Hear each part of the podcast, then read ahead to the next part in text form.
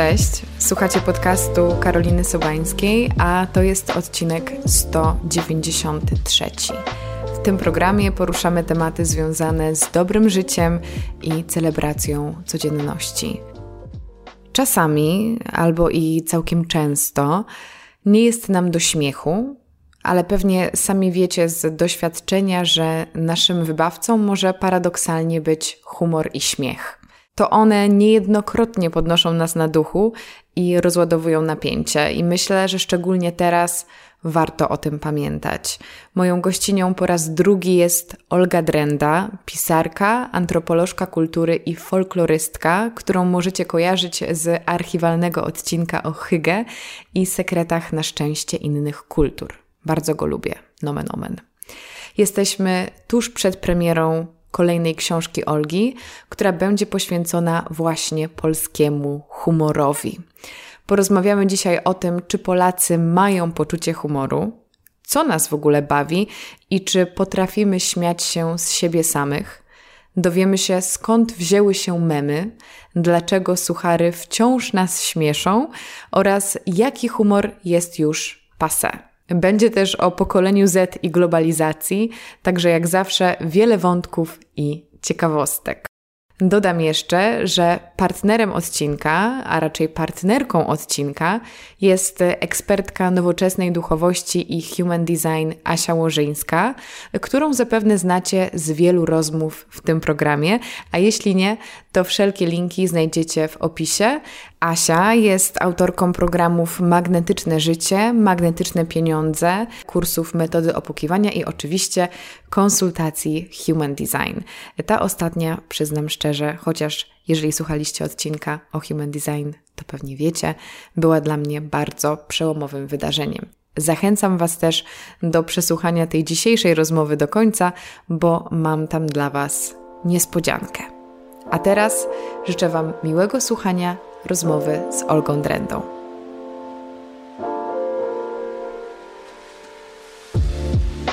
Cześć Olga. Cześć. Bardzo jest mi miło gościć Cię po raz drugi. Mnie również bardzo, bardzo miło znowu się spotkać i y, znowu porozmawiać. No tak, bo spotykamy się w takich czasach e, trudnych, dziwnych, nie da się ukryć ciężkich. Tak. I zastanawiam się, czy w takim momencie dla społeczeństwa, dla ludzkości wręcz, jest przestrzeń na śmiech, na humor. Jak najbardziej. Powiedziałabym, e, że to nie jest pytanie, e, czy można, e, ale wręcz to należy powiedzieć oznajmiająco. Można, a czasem wręcz trzeba. Okazuje się, że takie właśnie krytyczne, graniczne sytuacje, jak wojna, opresja, pandemia, one wszystkie, przecież e, mhm. bardzo, bardzo dużo niebywale kryzysowych, bezprecedensowych w naszej części świata sytuacji zwaliło nam się na głowę w bardzo krótkim czasie. Um, uruchomiło coś, co mnie jako badaczce kultury, jako folklorystce również, bo to była moja ulubiona dziedzina etnologii i antropologii. Brzmi to bardzo ciekawie i to... powiedziałabym cool. Folklorystka. To y, uruchomiło od razu takie znajome echa właśnie, mhm. że y, y, chyba, chyba usłyszę coś, co dobrze znam. No i, i nie, nie myliłam się. Faktycznie jest tak, że humor, śmiech, oczywiście dobrze ukierunkowany, on potrafi być lekarstwem Czyli on nam daje, nie wiem, stwarza taką, taki dystans, mhm. pozwala nam dać upust temu napięciu. Są oczywiście bardzo różne y, rodzaje humoru i tak jak, y, jak każde ludzkie zachowanie, jak, y, jak każda emocja, jak każda reakcja, jak każde zachowanie społeczne, to może mieć strony dobre i złe. Mhm. Oczywiście zaskakujące jest to, że w badaniach nad kulturą, również w namyśle filozofów, te głosy na temat śmiechu są bardzo niejednoznaczne i to jest taka debata, która ciągnie się od starożytności. I są filozofowie, którzy jednoznacznie opowiadają się przeciwko śmiechowi, bo na przykład y, Thomas Hobbes uważał, że jest to zawsze jakiś wyraz y, triumfu i wyższości okay. i że to jest taki przejaw y, tej złej małpy w człowieku. Natomiast Arystoteles na przykład twierdził, że śmiech kulturalny łagodzi obyczaje i zalecał wręcz, żeby ćwiczyć się w takim śmiechu łagodnym, który pomaga rozwiązywać konflikty. Więc jest to bardzo niejednoznaczny temat, ale też naturą humoru jest ambiwalencja. No w folklorystyce bardzo dużo mówi się i bardzo często przewija się temat humoru jako takiego spoiwa społecznego. E, czegoś, co pozwala ludziom nie tracić nadziei, czegoś, co pozwala mm, też poczuć, że jesteśmy w kłopotach razem, a bywa, że y, przeciwstawiać się niebezpieczeństwu i zagrożeniu.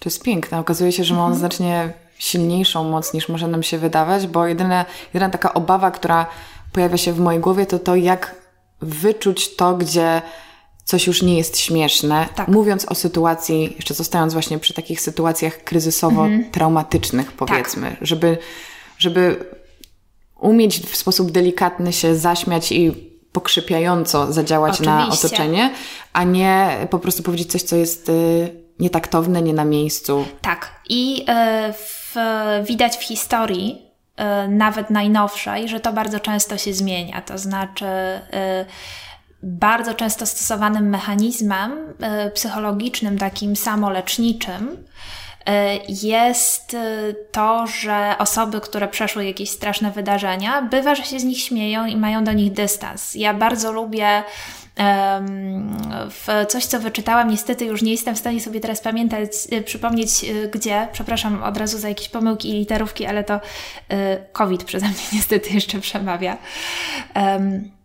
że w jednym z dialektów języka polskiego słowo wesoły oznaczało nie taki pajacowaty mm. i śmiejący się jak głupi do sera, tylko odporny na przeciwności losu i y, oznaczało to taką y, y, pogodę ducha. Mhm. Umiejętność radzenia sobie z trudnościami, właśnie z, z, z taką solidnością, z ugruntowaniem. Myślę, że to można odnieść w jakiś sposób do teorii psychologicznych dotyczących e, odporności, e, resilience, mhm.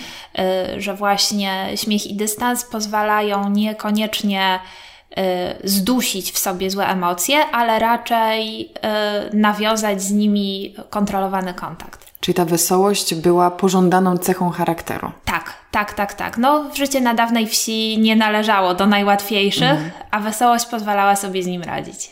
Powiedziałaś, że istnieją różne rodzaje humoru. Tak. Czy opowiesz o tym pokrótce? Jak możemy podzielić humor? Och, to jest, to jest tak ogromny temat, że myślę, że musiałabym chyba tutaj... Um, Przenucować. Tak, prawdopodobnie i e, opowiadać przez 24 godziny, więc myślę, że chyba, chyba lepiej będzie, jeżeli e, porozmawiamy o może konkretnych przykładach. No to moje pytanie brzmi w takim razie, czy Polacy mają poczucie humoru? Mhm. Jeśli tak, to jakie? E, I to jest kolejne bardzo ciekawe pytanie, bo na nie również nie ma jednoznacznej odpowiedzi i są to raczej odpowiedzi typu opinia. Mhm. E, pamiętam, że podczas pracy nad moją książką bardzo mnie nurtował ten temat, czy istnieje jakiś konsensus. Mhm. E, I mm, okazuje się, że oczywiście nie. że tam, e, gdzie dwóch Polaków, tam trzy zdania, jak zwykle. Tak. E, I zdarzają się głosy bardzo radykalne, to znaczy, że albo w ogóle nie umiemy się śmiać, a zwłaszcza z siebie, okay. albo wręcz przeciwnie. I tutaj to dziedzictwo PRL-u, że e, w, byliśmy najweselszym barakiem w obozie, również jest taką kontrlegendą, która jest równie silna. I e, w, myślę, że nie byłabym wcale zaskoczona, gdyby jeden i ten sam człowiek na przykład e, nie utrzymywał, że jesteśmy jednocześnie e, społeczeństwem skłonnym do śmiechu, mhm ze wszystkiego i właśnie radzenia sobie przy pomocy śmiechu, a z drugiej strony społeczeństwem smutasów. Ale. Mm, możemy tak, być jednym i drugim naraz? Oczywiście, tak. Myślę, że tak jest często z opiniami na, na własny temat, że y, one bardzo często łączą w sobie wiele niespójności i takich pozornie wykluczających się y, właściwości, które po prostu ujawniają się w, w różnych okolicznościach. A jaka jest Twoja opinia w takim razie? Po tym, jak tyle zgłębiałaś ten temat. E, ja uważam, że jesteśmy bardzo autoironicznym społeczeństwem. Mhm. Uważam, że jesteśmy mm, autoironicznym społeczeństwem, do tego jeszcze y, takim, w którym y, bywa, że y, stosujemy taki śmiech, który pozornie może wyglądać na dokopywanie sobie samemu, ale taki w rzeczywistości nie jest. Y, mhm. Tylko, że raczej jest jakimś buforem przeciwko rzeczywistości, że śmiejąc się z niej pokazujemy, że to świat zwariował, a nie my. Ale myślisz, że to jest y, coś, co nam służy? Nie zawsze. Myślę, że nie zawsze, dlatego że jest w stanie też przejść czasami niepostrzeżenie, jak to bywa z wszystkimi tego typu zachowaniami. E, w coś, co na przykład będzie takim rytualnym narzekaniem. Właśnie mhm. E, w etnologii też mówi się o polskim rytualnym narzekaniu e, które oczywiście pomaga chwilowo uwolnić się od emocji, ale na dłuższą metę raczej szkodzi niż pomaga. Więc tak. myślę, że z, z takim autoironicznym, gorzkim humorem, rodem na przykład z filmu Dzień Świra, który mhm. E, w jednym e, z plebiscytów został uznany za najlepszy polski film wszechczasów. To dla mnie jest bardzo ważnym miernikiem tego, mhm. E, do jak wielu ludzi on przemawia. Myślę, że bardzo trudno jest y, zauważyć czasami taką granicę, jakby kiedy empatyzujemy z Adasiem Miałczyńskim, a kiedy zmieniamy się w niego i nie wchłaniamy w siebie całej tej jego goryczy, która przecież towarzyszy mu na co dzień. On śmieje się, ale jest człowiekiem bardzo nieszczęśliwym. No właśnie tak sobie trochę wyobrażam to ironizowanie, mhm. to śmianie się z siebie, to obracanie pewnych sytuacji życiowych w żart, że tam skrywa się dużo takiej frustracji i smutku, aczkolwiek myślę, że stosowanie takiej generalizacji wobec mhm. całego społeczeństwa jest mocno krzywdzące. E, czy masz wiedzę na temat tego, na przykład jak Polacy są odbierani przez inne narody? Czy jakby my mhm. sobie, no wydaje mi się, że my sobie zdajemy sprawę, że jesteśmy takim narzekalskim krajem, mhm. wychowawszy się tutaj, ale czy tak też nas widzą inni? Mhm. E, ja bardzo podobne zachowania zauważyłam w Wielkiej Brytanii. Tak, tak, I... tylko tak się dobrze Polacy w Wielkiej Brytanii tak, odnajdują. Tak, myślę, że Irlandia też e, w, jest dość podobna pod tym względem i trochę Australia. Właśnie mhm. tutaj e, zaskakujące jest to, że ta anglosfera jakoś tak.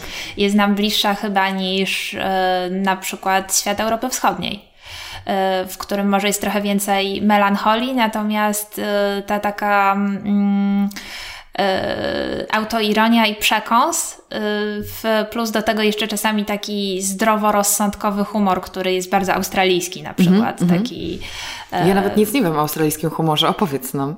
Ojej, to jest, myślę, że to jest trochę taki humor jak ze świata według kiepskich. Naprawdę.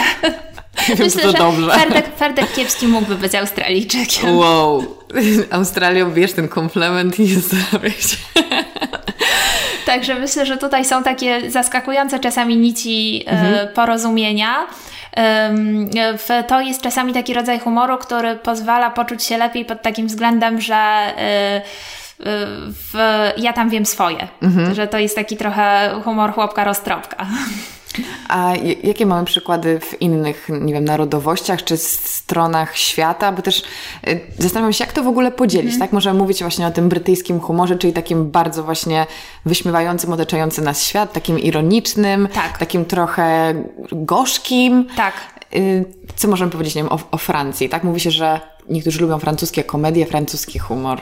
E, moja mama jest wielką fanką francuskich mhm. komedii i lubi w nich e, takie ciepło wobec drugiego człowieka. Mnie y, francuski humor przez długi czas się z tym nie kojarzył. On raczej, pamiętam w latach 90. był taki film y, Śmieszność y, o dworze królewskim w czasach tuż przed rewolucją francuską, gdzie takim rodzajem towarzyskiego sportu były pojedynki na złośliwości i że absolutną śmiercią towarzyską było przegranie w takim pojedynku, mm. że wtedy zupełnie traciło się twarz. I e, w, główny bohater tego filmu, e, jakby e, on zrywa te maski i wygrywa szczerością i mówi, że okay. Wolter nigdy nie pozwoliłby sobie na coś takiego. Więc mnie humor francuski kojarzył się długo w ten sposób, aż nie obejrzałam filmu, który bardzo lubię, to znaczy Jeszcze dalej niż północ. Ojejku, uwielbiam, aż mam ciarki. To jest jedna z moich ulubionych komedii. Świetny jest ten film, polecam tak, wszystkim. To jest jedna z moich ulubionych komedii, to jeżeli e, e, nasi słuchacze i słuchaczki nie wiedzą, to jest e, o pracowniku poczty, który zostaje delegowany na dziką północ do, Pikale. Tak. Super. Tak, i gdzie po prostu musi się znaleźć w świecie strasznych barbarzyńców, którzy okazują się zupełnie przyjaźni i fajni. E, więc myślę, że właśnie taki to, co bardzo lubię w komedii francuskiej, to jest humor łagodzący napięcia, wynikające potencjalnie na przykład z pochodzenia z różnych kultur. To w, mm. tak samo Może jest. przydałby się nam teraz taki. Na pewno i myślę, że to się będzie działo. Mhm. Myślę, że to, się, że to się będzie działo w momencie, kiedy no, na naszych oczach się stajemy bardziej wielonarodowym tak. społeczeństwem. W filmie Za jakie grzechy dobry Boże również o Jezus, jest ten sam wątek. Tak. tak, tak, ale właśnie super jest to, że nawet w kontekście, tutaj może nie chodzi o jakieś e, tragiczne wydarzenia, tak mhm. tak mamy do czynienia w tym filmie, o którym wspomniałaś przed sekundą, z wielokulturowością. Obecnie w świecie możemy mieć e, do czynienia z nieco poważniejszymi problemami, tak. może się wydawać. Niezależnie od tego, super, że ten śmiech wchodzi po to, żeby podjąć e, te trudne tematy. Dokładnie rozluźnić napięcie i pokazać nam, że możemy się też śmiać z tego, co nam przeszkadza w drugim człowieku i uznać go za swojego brata. Dokładnie tak. I e, siłą na przykład tego filmu Za jakie grzechy dobry Boże jest takie przesłanie, że nie musimy się uwielbiać, ale mamy Dokładnie. jakieś punkty styczne. Dokładnie.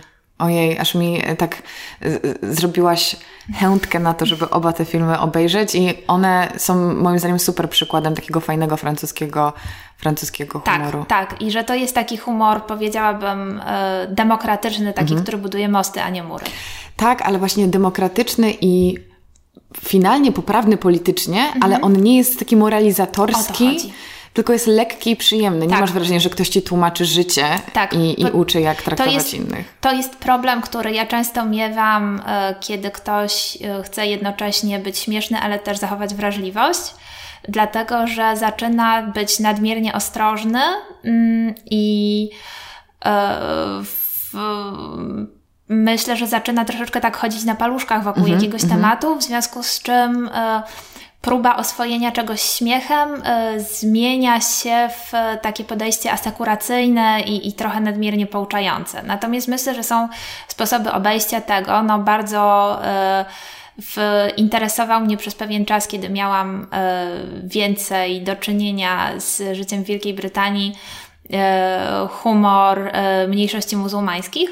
Okej. Okay. I pamiętam, jaką popularnością E, cieszył się film e, For Lions e, o mm. terrorystach nieudacznikach, okay. w, który absolutnie nie miał w sobie nic rasistowskiego, natomiast ośmieszał fundamentalizm i, i to, to również był bardzo udany przykład właśnie, właśnie tego, jak można zrobić komedię, która porusza trudne tematy, mm, no i jeszcze ale... uderza bezpośrednio tak. w daną grupę, która ale... potrafi się z tego śmiać. No właśnie, ale też nikogo nie stereotypizuje. Nie, nie, widziałam tego i też no, mm. mam zupełnie niewielką, żeby nie powiedzieć żadną, mm. wiedzę na temat humoru mniejszości muzułmańskich, ale to mm. jest coś bardzo pozytywnego z, z, tego, co mówisz, tak? Że, że takie tematy też są w obiegu i też potrafią być nie wiem, omawiane i możemy się z nich śmiać. Tak, tak, tak. Przy czym tutaj mowa jest oczywiście y, jakby już o tym kontekście zachodnim, mhm. Y, ale pamiętam, że kiedy pracowałam y, w, mm, jako redaktorka wewnętrzna oceniająca jakby potencjał różnych książek na rynek polski w mhm. przekładzie, to pamiętam, że zdarzało mi się czytać w, dajmy na to,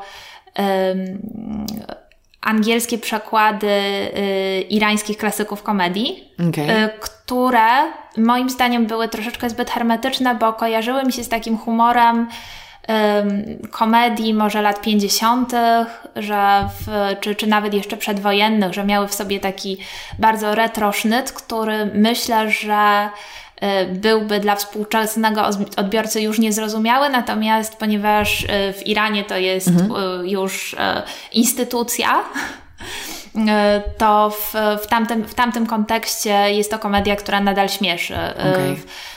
Y, przypomnę sobie tytuł i, i, myślę, że go uzupełnimy, w, bo to, to w, na pewno książka, którą warto poznać, ale no to jest mniej więcej coś takiego, jakby ktoś próbował e, powiedzmy mm, wypromować w Iranie film sami swoi. No, no, po prostu niektóre rzeczy tak, tracą, się nie tracą przyjmą. kontekst po latach. Mhm. Tak. Ale czy możemy powiedzieć coś ogólnego o o humorze Bliskiego Wschodu?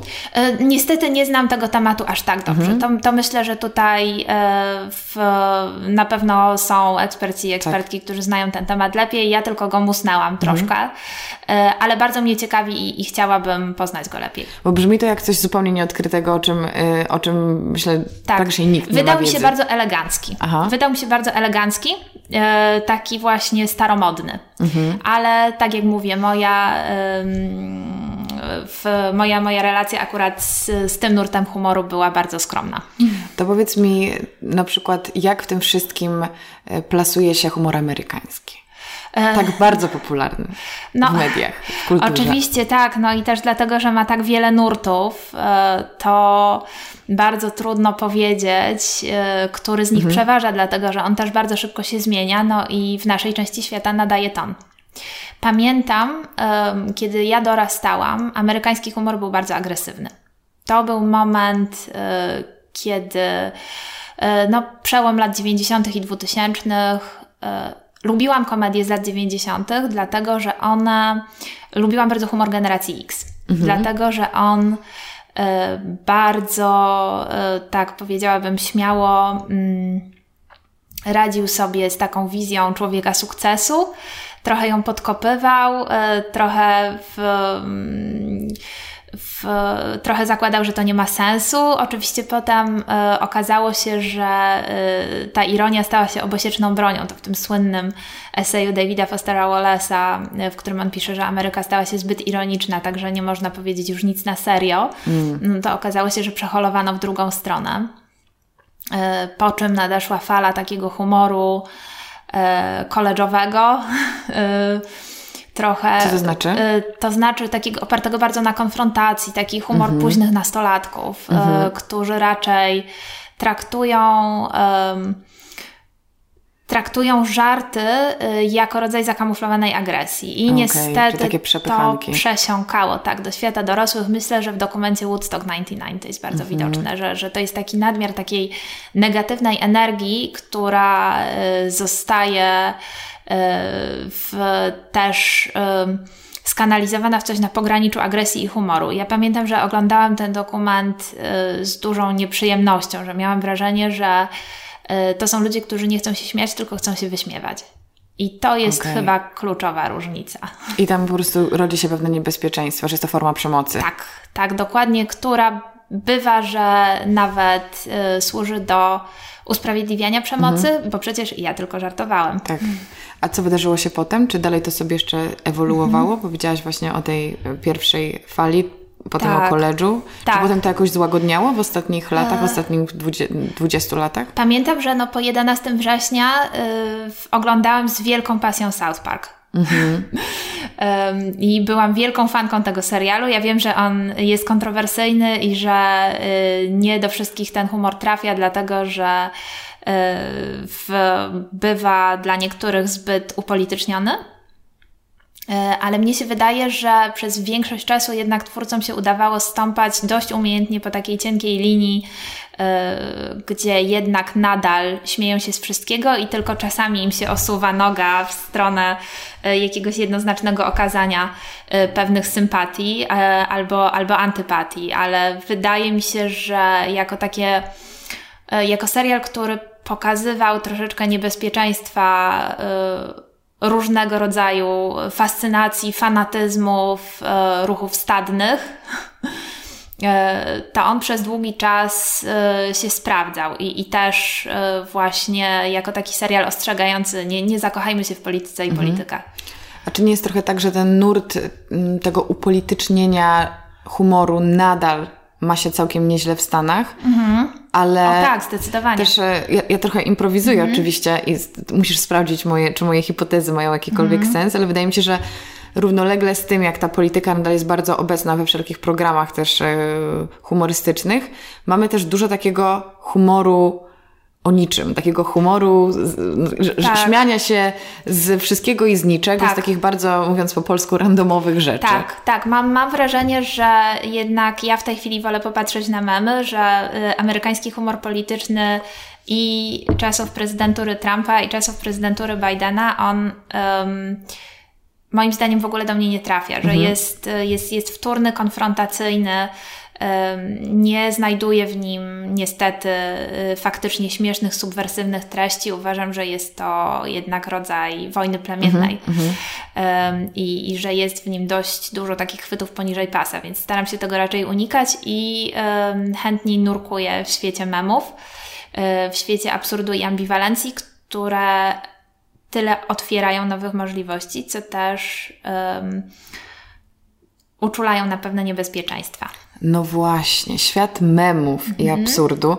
Skąd on się wziął i jaką rolę pełni w naszym życiu? A no więc y, każdy historyk memów powie, że memy Widać wzięły... po tobie, że uwielbiasz ten temat. że memy wzięły się z kserokopiarek. I okay. pierwsze, tak, pierwsze memy wywodzą się z humoru biurowego, który mhm. rozpowszechniano y, na ksero.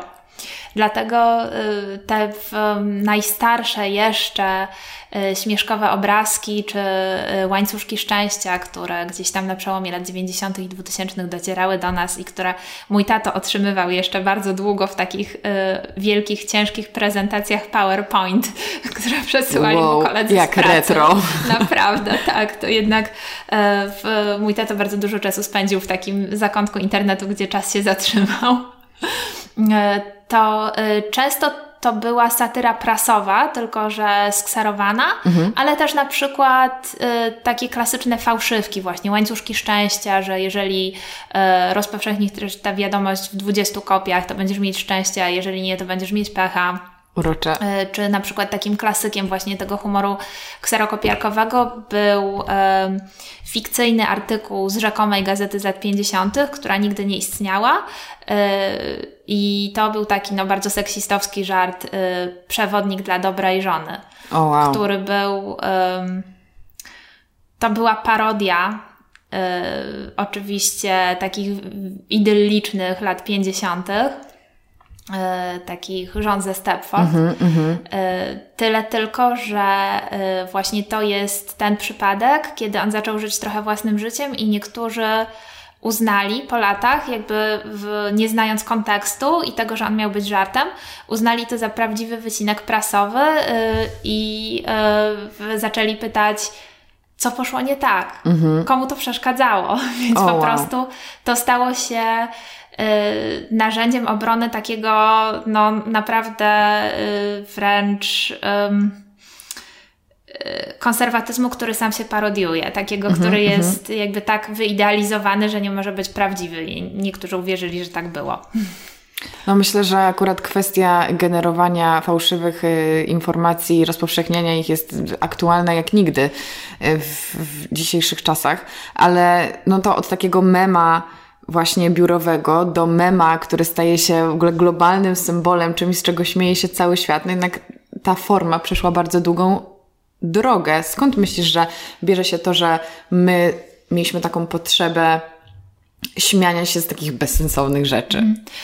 E, myślę, że to ma bardzo długą historię i że często jednak mamy recyklingują też taki humor, e, który mm, jeżeli się odrobinkę sięgnie głębiej, na przykład do starej prasy czy jakichś starych kronik, E, to okaże się, że ma strasznie długą historię. Ja byłam mhm. zdumiona czytając taką książkę, która wyszła chyba dwa lata temu. Jeśli dobrze pamiętam, to tytuł to jest e, z polskiego na nasze e, autorstwa Barbary Magierowej i Antoniego Kroch, którzy prowadzili od lat 50.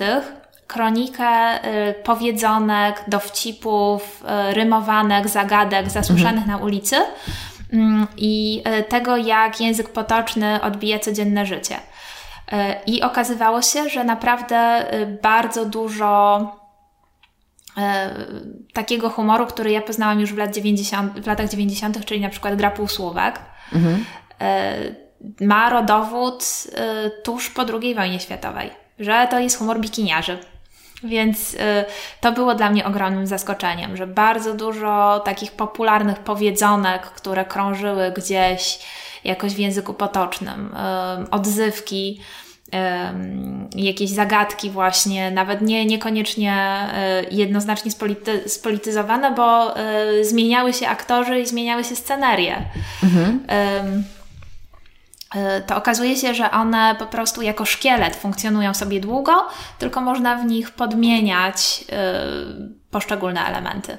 Ale zastanawiam się, czy humor to jest coś, co określa na przykład właśnie pokolenia, czy bardziej czasy w historii, mm. czy bardziej indywidualną subkulturę, czy indywidualnego człowieka? Mm. Jedno i drugie. Dla mnie w badaniach bardzo przydatne pojawiły się, e, bardzo przydatne okazały się e, dwa sformułowania. E, socjolog Kazimierz Żygulski wprowadził takie pojęcie jak wspólnota śmiechu, to znaczy sytuacja, w której dla poszczególnej grupy ludzi żart jest zrozumiały, dlatego że rozumieją jego zestaw odniesień, jego mhm. kontekst, y, że są w stanie jakąś ukrytą treść zdekodować, bo odnosi się w jakiś sposób do ich realnego życia. Y, I y, kiedy wspólnota śmiechu się jakoś rozluźnia, to to, co jednego dnia uchodzi za żart, 10 lat później może stać się czymś na przykład obraźliwym. E, więc e, on podaje dość dużo takich e, przypadków, kiedy na przykład XIX-wieczne dowcipy w taki trochę w stylu właśnie za jakie grzechy dobry Boże, które jakoś ujawniały typowe nieporozumienia, na przykład językowe w multikulturowej wtedy Polsce, one już w powojennej Polsce, która stała się bardzo jednolitym etnicznie krajem, one zaczynały się kojarzyć e, z rasizmem. Mhm. Dlatego po prostu, że zniknął kontekst, e, z którego one pochodziły, i on podaje dość dużo takich przykładów. No i drugie pojęcie to jest izolacja komiczna. To badaczka Dorota Simonides, taka śląska folklorystka, zauważyła, że po prostu pewne sytuacje, y, nawet trudne i drastyczne, mogą stać się abstrakcyjne po latach i zaczynają śmieszyć trochę tak jak slapstickowa komedia, y, jak kreskówka o, o króliku Baksie. Mhm. Ale powiedziałaś, że na przykład lubisz y, żart pokolenia Z. Mhm, tak. I poczekaj, bo mi się już, mi się już mylą, które pokolenie jest które. Rozumiem, że to idzie alfabetycznie, tak? Ojej, Więc mamy... Tak, no ja jestem, ja jestem milenialsem.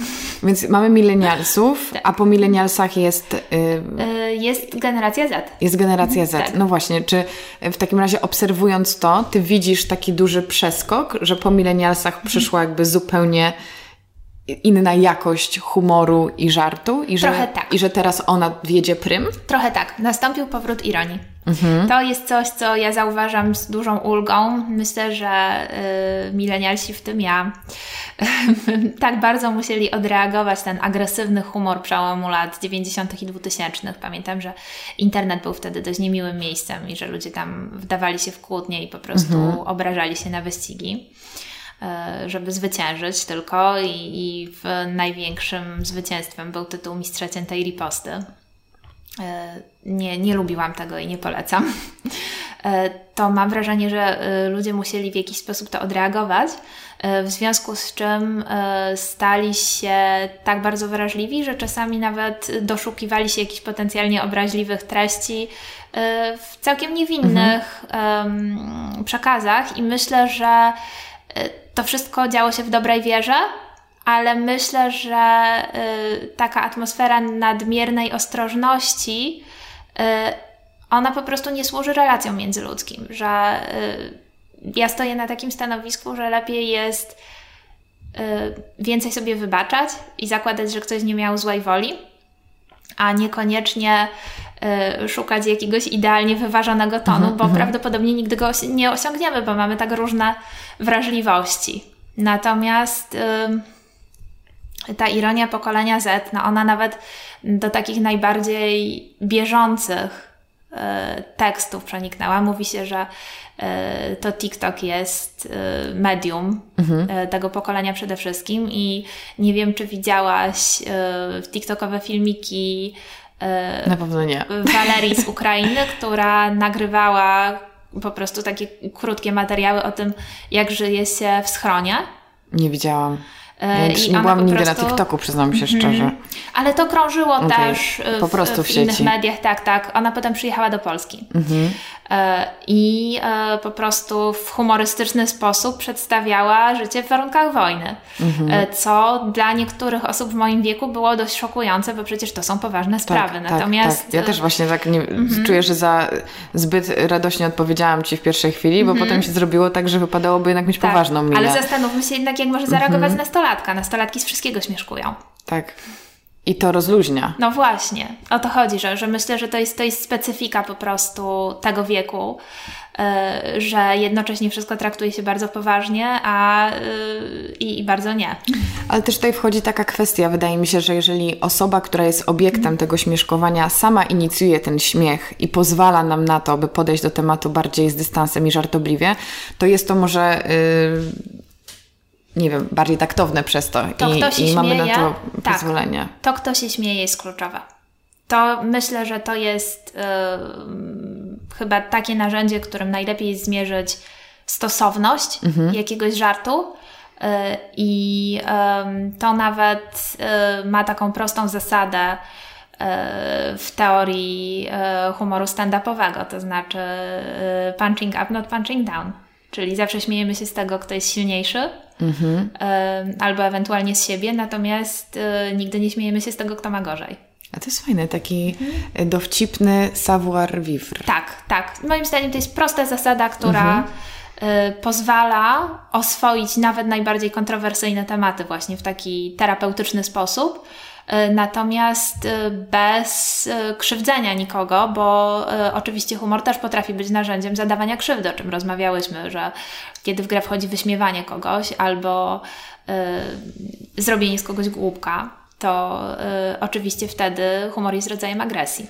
Ale też powiem Ci, że jestem fanką e, ironii, o której wspomniałaś i pamiętam jak spotkałyśmy się parę tygodni mm temu, czy tam parę miesięcy temu, to y, powiedziałam Ci, że trochę tęsknię za takim mm bardziej wyrazistym y, humorem, bo te ostatnie lata wydawały się być szczególnie takie wyważone i poprawne pod wieloma względami i to trochę nawiązuje do tego, co powiedziałyśmy co powiedziałaś e, o tym, o tej kwestii właśnie poprawności politycznej. Mm. Ja to dostrzegłam mieszkając w Wielkiej Brytanii, mm. właśnie, że to było parę lat temu, ale to było niedawno nadal, że właśnie e, w, zaczęto być bardzo ostrożnym, ostrożnymi w swoich słowach do tego stopnia, że, nie, że pewne rzeczy, które działy się wokół nas dotyczące ludzi z, z innych krajów, z innych mm. kultur,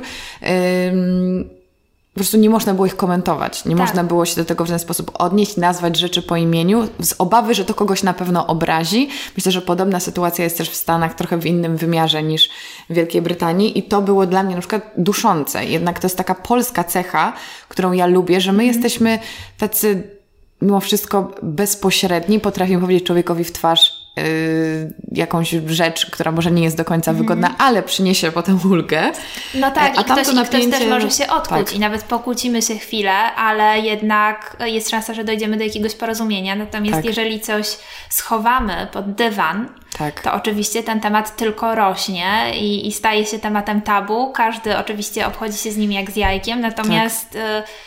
Tak. Taka ta niechęć, nie tak, niechęć wzajemna się buduje i to też chyba tak, można, można zaobserwować e, z tego, co wiem, w Skandynawii, no szczególnie mm. w mhm. Szwecji, jakby jest duży problem e, rasizmu, mm. który też roz, rozpoczął się niby od e, przyjęcia dużej liczby uchodźców do mhm. kraju, a potem nieporuszania tematu tego, że ta integracja może nie idzie tak, jakby mhm. sobie wszyscy tego życzyli, skutkuje to ogromnym napięciem, o którym się nie mówi. Wszyscy mhm. uważają Szwedów za wspaniały, sympatyczny naród. Niestety tematu Skandynawii nie znam tak dobrze, ale wydaje mi się, że tutaj bardzo duże pole do popisu mają właśnie y, przedstawiciele tych mniejszości etnicznych.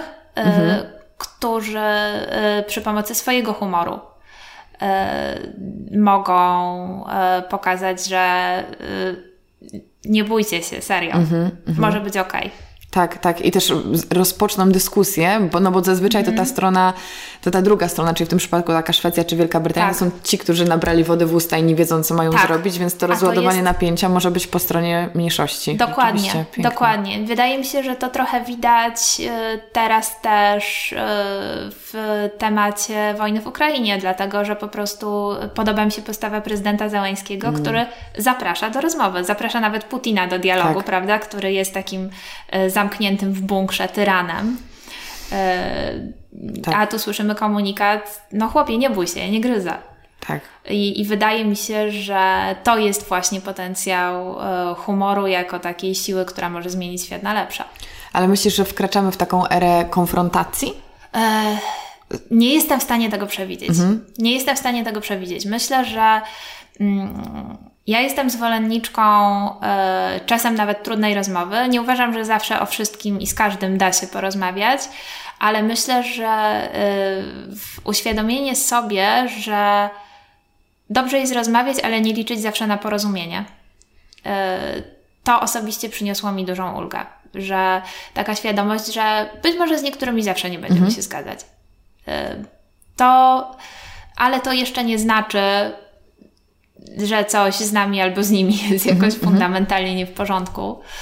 E, to pamiętam, że bardzo mi pomogło i zdjęło mi jakiś spory ciężar e, z głowy.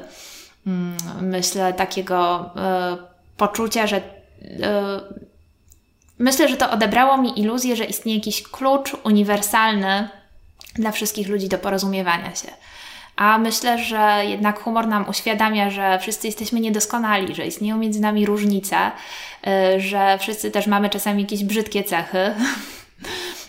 I, i skłonności do jakichś y, może trochę niechlubnych zachowań, y, ale jednak zawsze lepiej jest, kiedy one wychodzą na wierzch. Mhm. Kiedy przyznajemy się do nich tak, po prostu. O to chodzi. Akceptujemy je. O to chodzi, bo wtedy też możemy się skonfrontować z nimi, możemy przeprosić, możemy się zmienić. Natomiast jeżeli, tak. coś, jeżeli coś chowamy, y, no to wchodzimy wokół słonia w pokoju. I napięcie rośnie. Dokładnie. Wspomniałaś, że ten humor amerykański, który jest wielowymiarowy mhm. Y, i wielonurtowy, nadaje trochę ton humoru na świecie. No to jest oczywiste, tak. no mamy globalizację od dawien dawna i też no, amerykańska kultura ma ogromny wpływ na naszą kulturę. Tak. Czy zatem y, te wszystkie przemiany pokoleniowe mhm.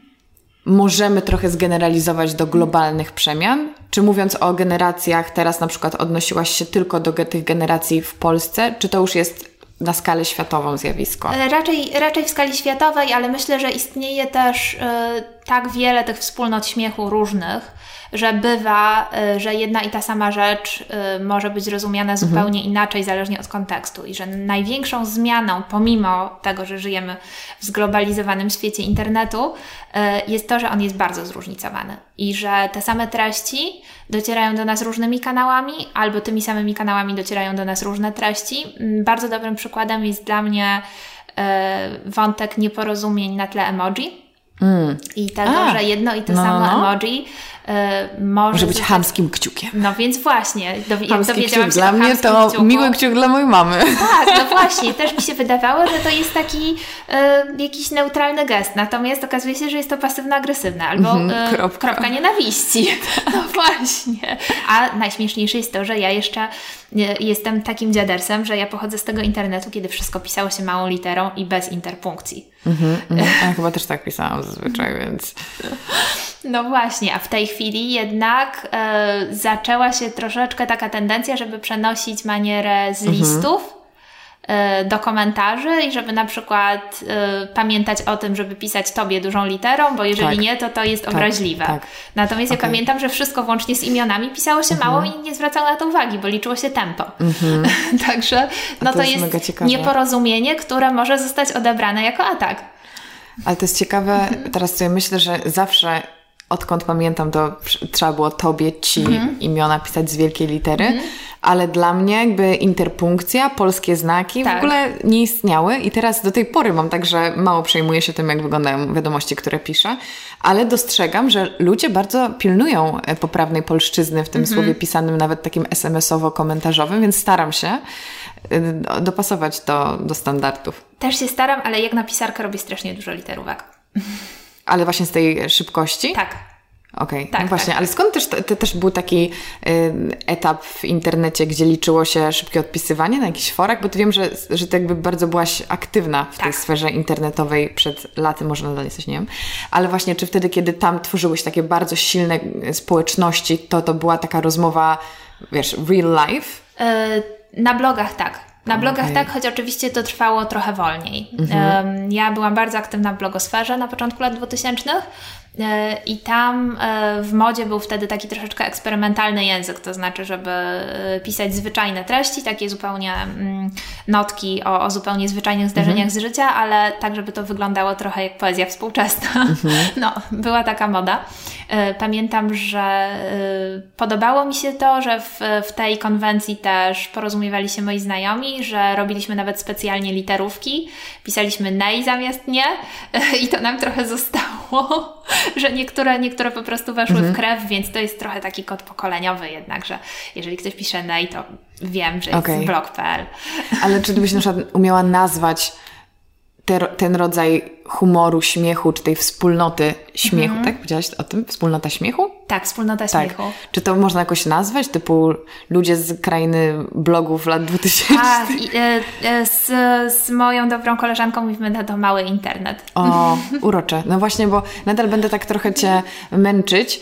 Y, Wiem, że nie kategoryzujemy, ale jakie są jeszcze takie znane świadki, które mają swój własny szyfr porozumiewania się i śmiania się? Typu, nie wiem, jakieś gamerskie klimaty. O, gamerskie tak, chociaż one dla mnie są, no ja nie, nie mam cierpliwości niestety do grania w gry. Bardzo żałuję, Mhm. bo myślę, że to musi być fajne, ale Słuchaj, może wszystko przed Tobą. ja mam, e, mam pamięć i koncentrację złotej rybki.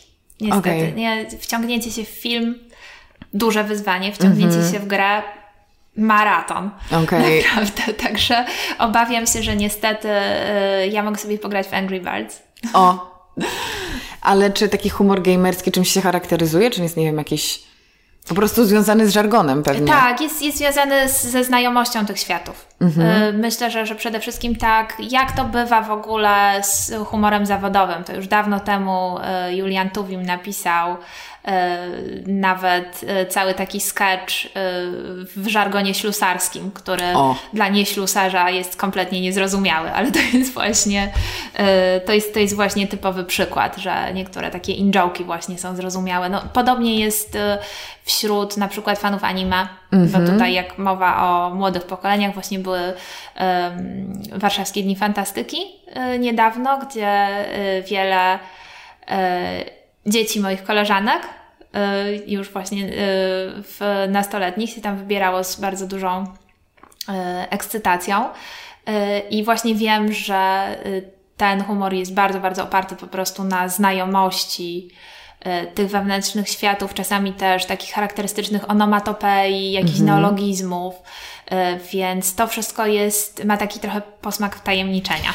Ale czy to nie jest, to- jest tak fascynujące, że możemy tak naprawdę w dowolnym momencie swojego życia wejść w zupełnie nowy świat i połączyć się w nim z innymi ludźmi, a to jest tylko jakiś, e, e, wiesz, wytwór naszych fantazji. Ja zapomniałam, jak to jest czytać powieści, czy właśnie jakieś e, książki, które przedstawiają inne światy. To jest e, piękna, piękna podróż. Dla mnie to było y, bardzo, bardzo pomocne i bardzo ekscytujące, kiedy ja sama byłam nastolatką, y, bo ja kochałam komiksy. I to mi zostało do tej pory, właśnie teraz przeżywam chyba na nowo taką fascynację komiksem, który zresztą w Polsce jest królestwem wspaniałego humoru. I kolejną wspólnotą humoru. Tak, zdecydowanie, że bo jeżeli ktoś zna żarty z Tytusa Romka i Atomka, to wiem, że jest moim człowiekiem. E, więc faktycznie e, w, tutaj e, ten mój renesans fascynacji komiksem na pewno jakoś tam się łączy właśnie z, z badaniami nad, nad humorem i żartem, ale też przypomina mi, jak, jak wiele mi dały te alternatywne światy, kiedy, kiedy sama byłam dzieciakiem. Myślę, że możemy też pewnie powiedzieć o humorze takim korpo. E, tak, chociaż przyznaję, że ja z otoczeniem biurowym nie miałam do czynienia od wielu lat. Mm -hmm, Pracowałam mm -hmm. kiedyś w, w firmach faktycznie, w których trochę takiego humoru się przejawiało, ale one też były na tyle małe, y, że jednak bardziej chyba nas ekscytowały wczesne memy, no i też taki humor wewnątrzfirmowy na przykład, mm -hmm, że y, mój kolega, który był pasjonatem chomików na przykład, tutaj wiódł prym i cały czas opowiadał jakieś żarty o chomikach. No ale w Polsce teraz myślę, że dużą dominacją yy, charakteryzuje się, już stworzę jakieś bardzo złożone zdanie dzisiaj, yy, myślę, że bardzo dominuje taki humor yy, też polityczny że żyjemy w takich czasach, gdzie coraz więcej ludzi jest zainteresowanych polityką bardziej niż kiedykolwiek, tak. mam wrażenie, w ostatnich tak. E, latach, no nie wiem, czy dziesięcioleciu, nie powiedzieć Na tutaj. pewno. E, że jakby do tego świata i humoru, e, i mowy potocznej, ale też właśnie memów, bardzo weszła polityka. Tak, on wywołuje silne emocje, ale też pomaga czasami, jeżeli ktoś ma potrzebę brania strony jednoznacznie. Mhm to y, myślę, że y, takie osoby troszeczkę ciążą w kierunku takiego humoru. Na szczęście ja uważam, że y, tutaj jako społeczeństwo polskie nie mamy tendencji do bezkrytycznego traktowania polityków i że zawsze jednak po prostu każdy polityk, który znajdzie się na świeczniku, musi również liczyć się z tym, że znajdzie się pod obstrzałem żartów mhm. właśnie prowadząc badania do książki, e, weszłam w posiadanie mnóstwa książeczek z 100 najlepszych kawałów o Lechu Wałęsie, więc jest to po prostu bardzo długa tradycja. I e, najśmieszniejsze jest to, że te żarty zazwyczaj są stare, tylko po prostu mm -hmm. mają nowego mm -hmm. bohatera. To mm -hmm. są mhm. kawały o Jasiu, kawały o milicjancie, tylko po prostu okay. zamiast nich jest prezydent. Czyli to też pokazuje to, co powiedziałaś wcześniej, że no. jest ten proces, że te, te same y, skłonności do śmiania się z jakichś rzeczy są w nas od pokoleń, tylko różne wydarzenia zewnętrzne aktywują w nas to, że nas to zaczyna na tak, nowo bawić. No, trochę jesteśmy wszyscy jak inżynier Mamoń z rejsu, że lubimy to, co już słyszeliśmy. Tak, ale czy to jest, do... to, to, jest myślę bardzo urocze. Tak działa mózg po prostu. E, właśnie, to po prostu takie jest. Tak. Nie ma co tego oceniać, ale też właśnie jak powiedziałaś o tym, że y, osoby, które są na świeczniku są też pod strzałem, to myślę, że to też ma takie dwa wymiary, bo czasami jest to coś absolutnie prześmiewczego w takim znaczeniu, żeby kogoś ośmieszyć, co tak. nieraz jest potrzebne, no bo ludzie, -hmm. osoby publiczne często robią rzeczy, które są karygodne. No właśnie. E, ale mamy też mnóstwo takich żartobliwych treści, niby wyśmiewania się, ale z sympatii, typu, nie wiem, z pana Roberta Makłowicza, tak? Jakby, który nie jest jakby krytykowany i poniżany, nie, tylko po prostu kochany przez wszystkich wszyscy go uwielbiają. I, tak, i dlatego niektórzy widzą w nim kandydata na przyszłego prezydenta. O proszę, ja tego nawet nie wiedziałam. No bo jest tak sympatyczny jak tak. Zalański. Jest coś w tym, jest coś w tym. Ale czy to nie jest trochę tak, że właśnie na, że memy właśnie dzięki, albo Robert dzięki memom, yy, tak stały się popularne w Polsce? Że to są jedne z najpopularniejszych memów? Czy to zupełnie tak nie jest? Ja myślę, że dlatego, że one są takie przyjazne. Mm. Że Robert Makłowicz to jest taka postać, która jest dość uniwersalnie lubiana i potrafi tak. też śmiać, śmiać się z siebie. Tak. No myślę, że jednak ktoś, kto śmieje się z pieska jedzącego koperek nie może, nie może budzić negatywnych uczuć.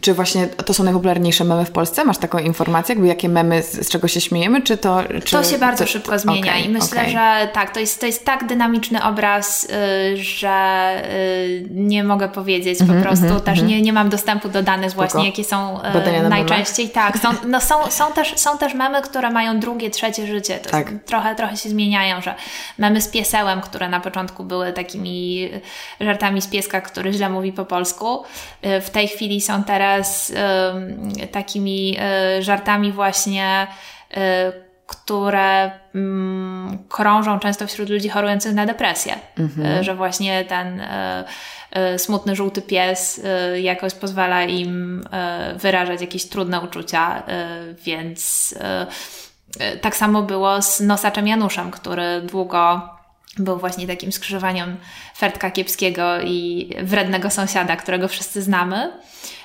A powstał podwątek memów z nosaczem Januszem, który chciałby być dobrym ojcem, ale mm. się nie sprawdza i po prostu przeprasza swoje dzieci.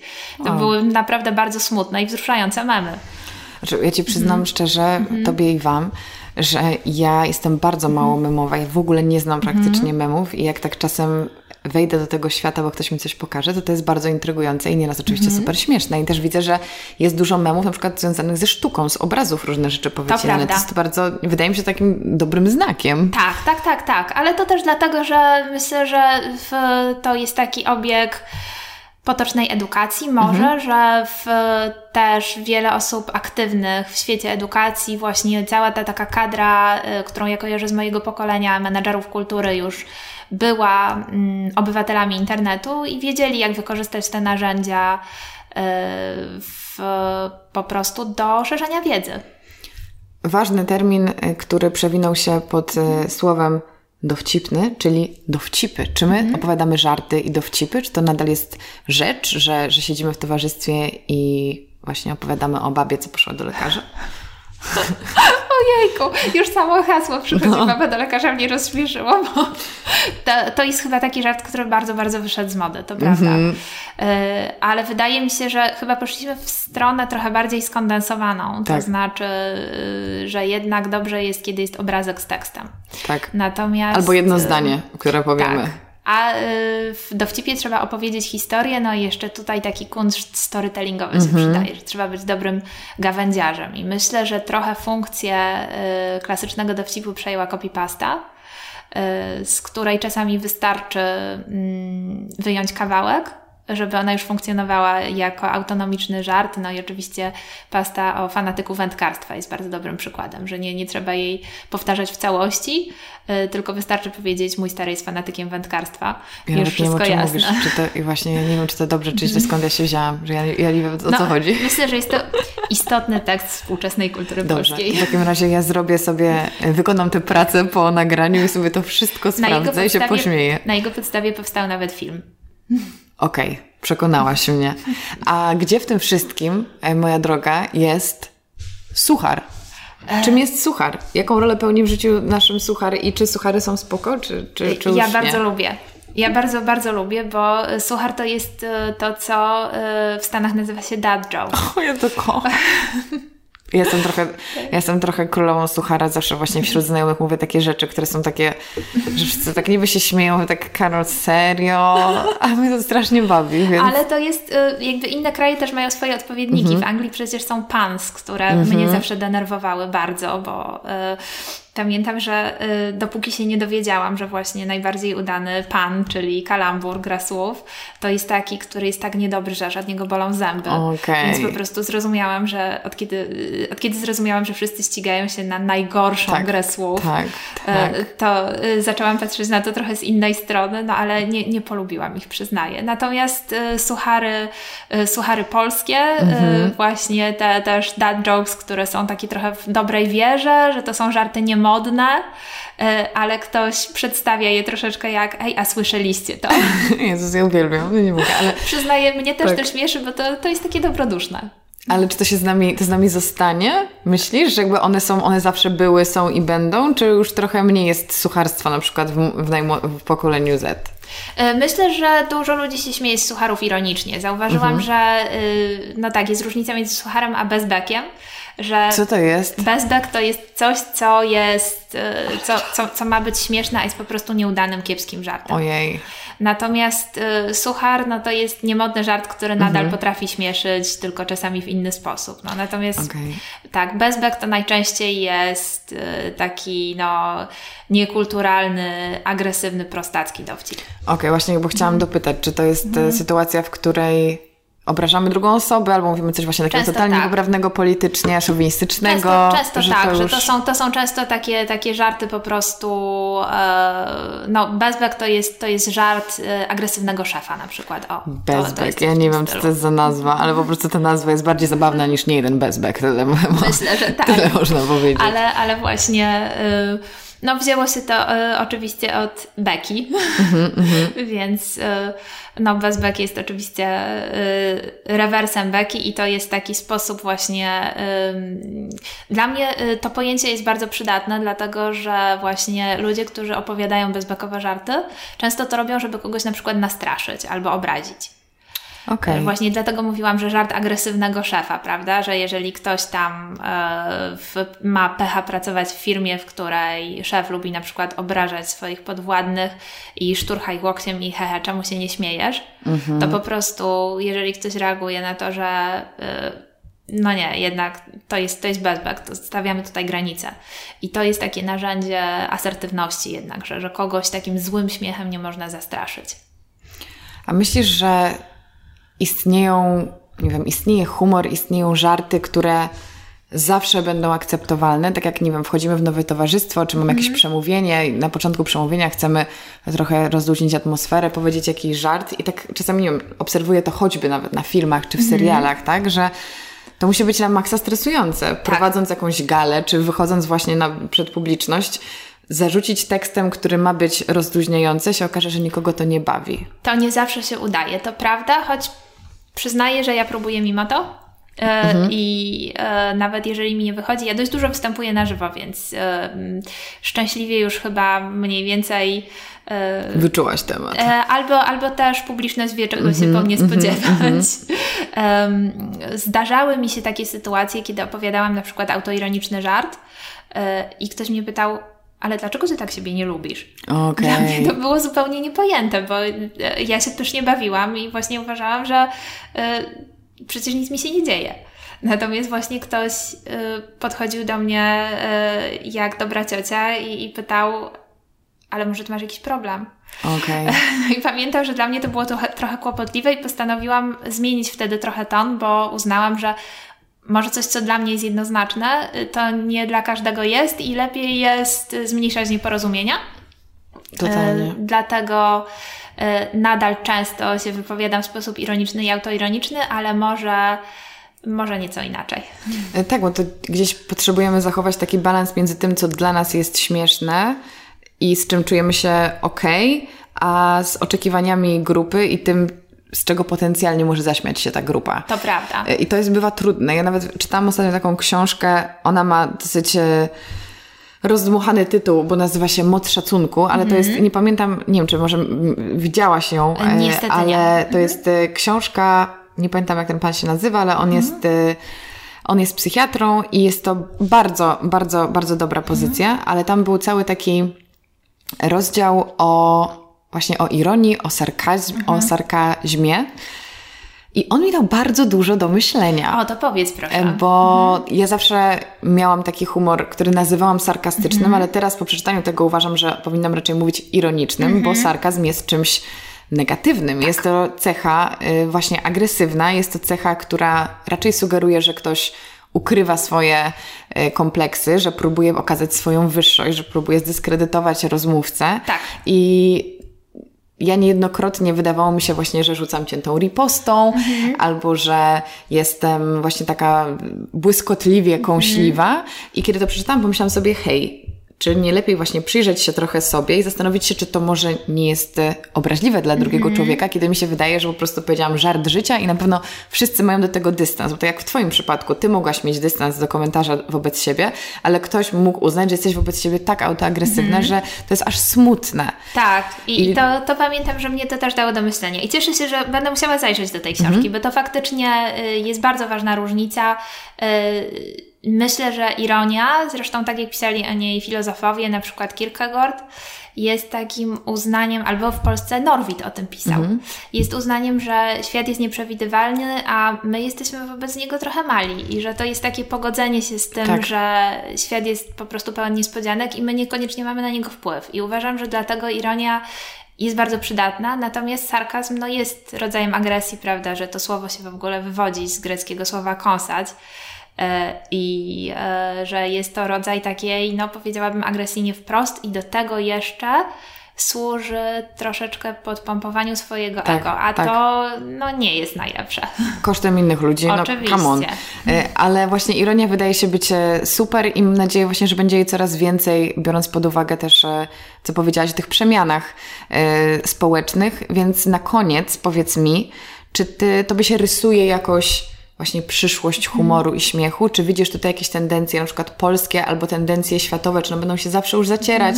I, i w jaką stronę, w jaką stronę idzie, idziemy? Pogrążymy się w memy?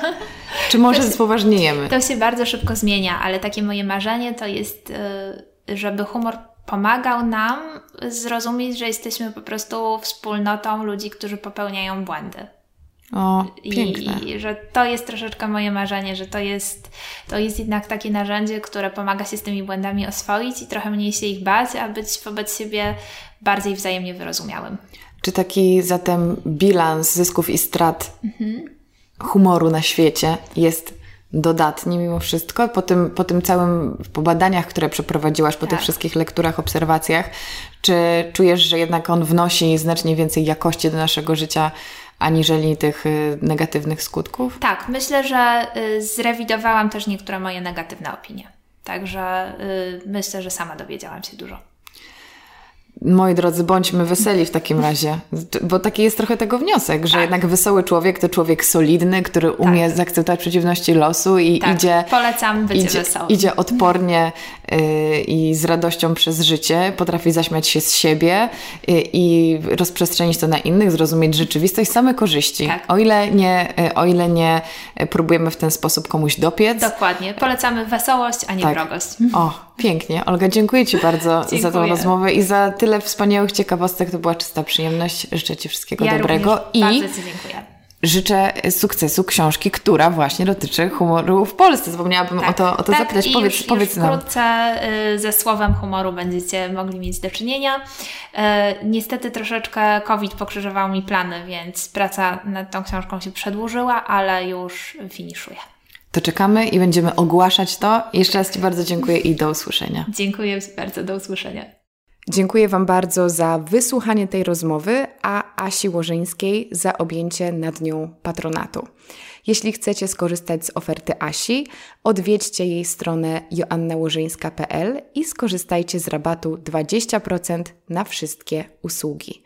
Wszelkie szczegóły znajdziecie w opisie, a promocja trwa do końca kwietnia.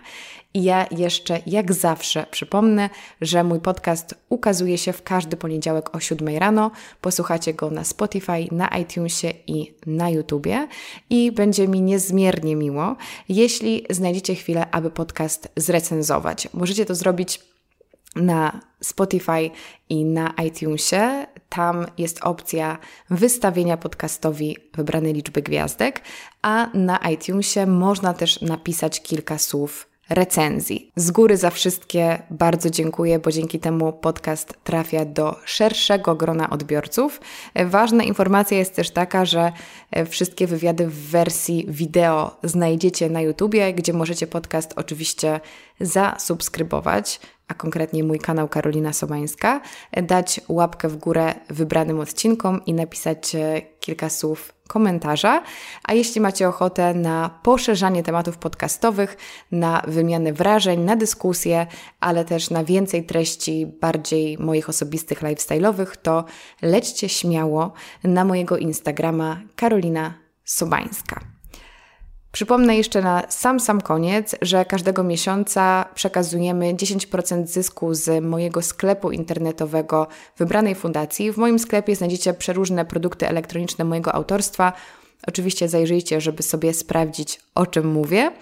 I w kwietniu postanowiliśmy wesprzeć e, Fundację SOS Wioski Dziecięce. Jeszcze raz bardzo Wam dziękuję za wysłuchanie tego odcinka. My słyszymy się już niedługo w kolejnej rozmowie. Do usłyszenia. Cześć.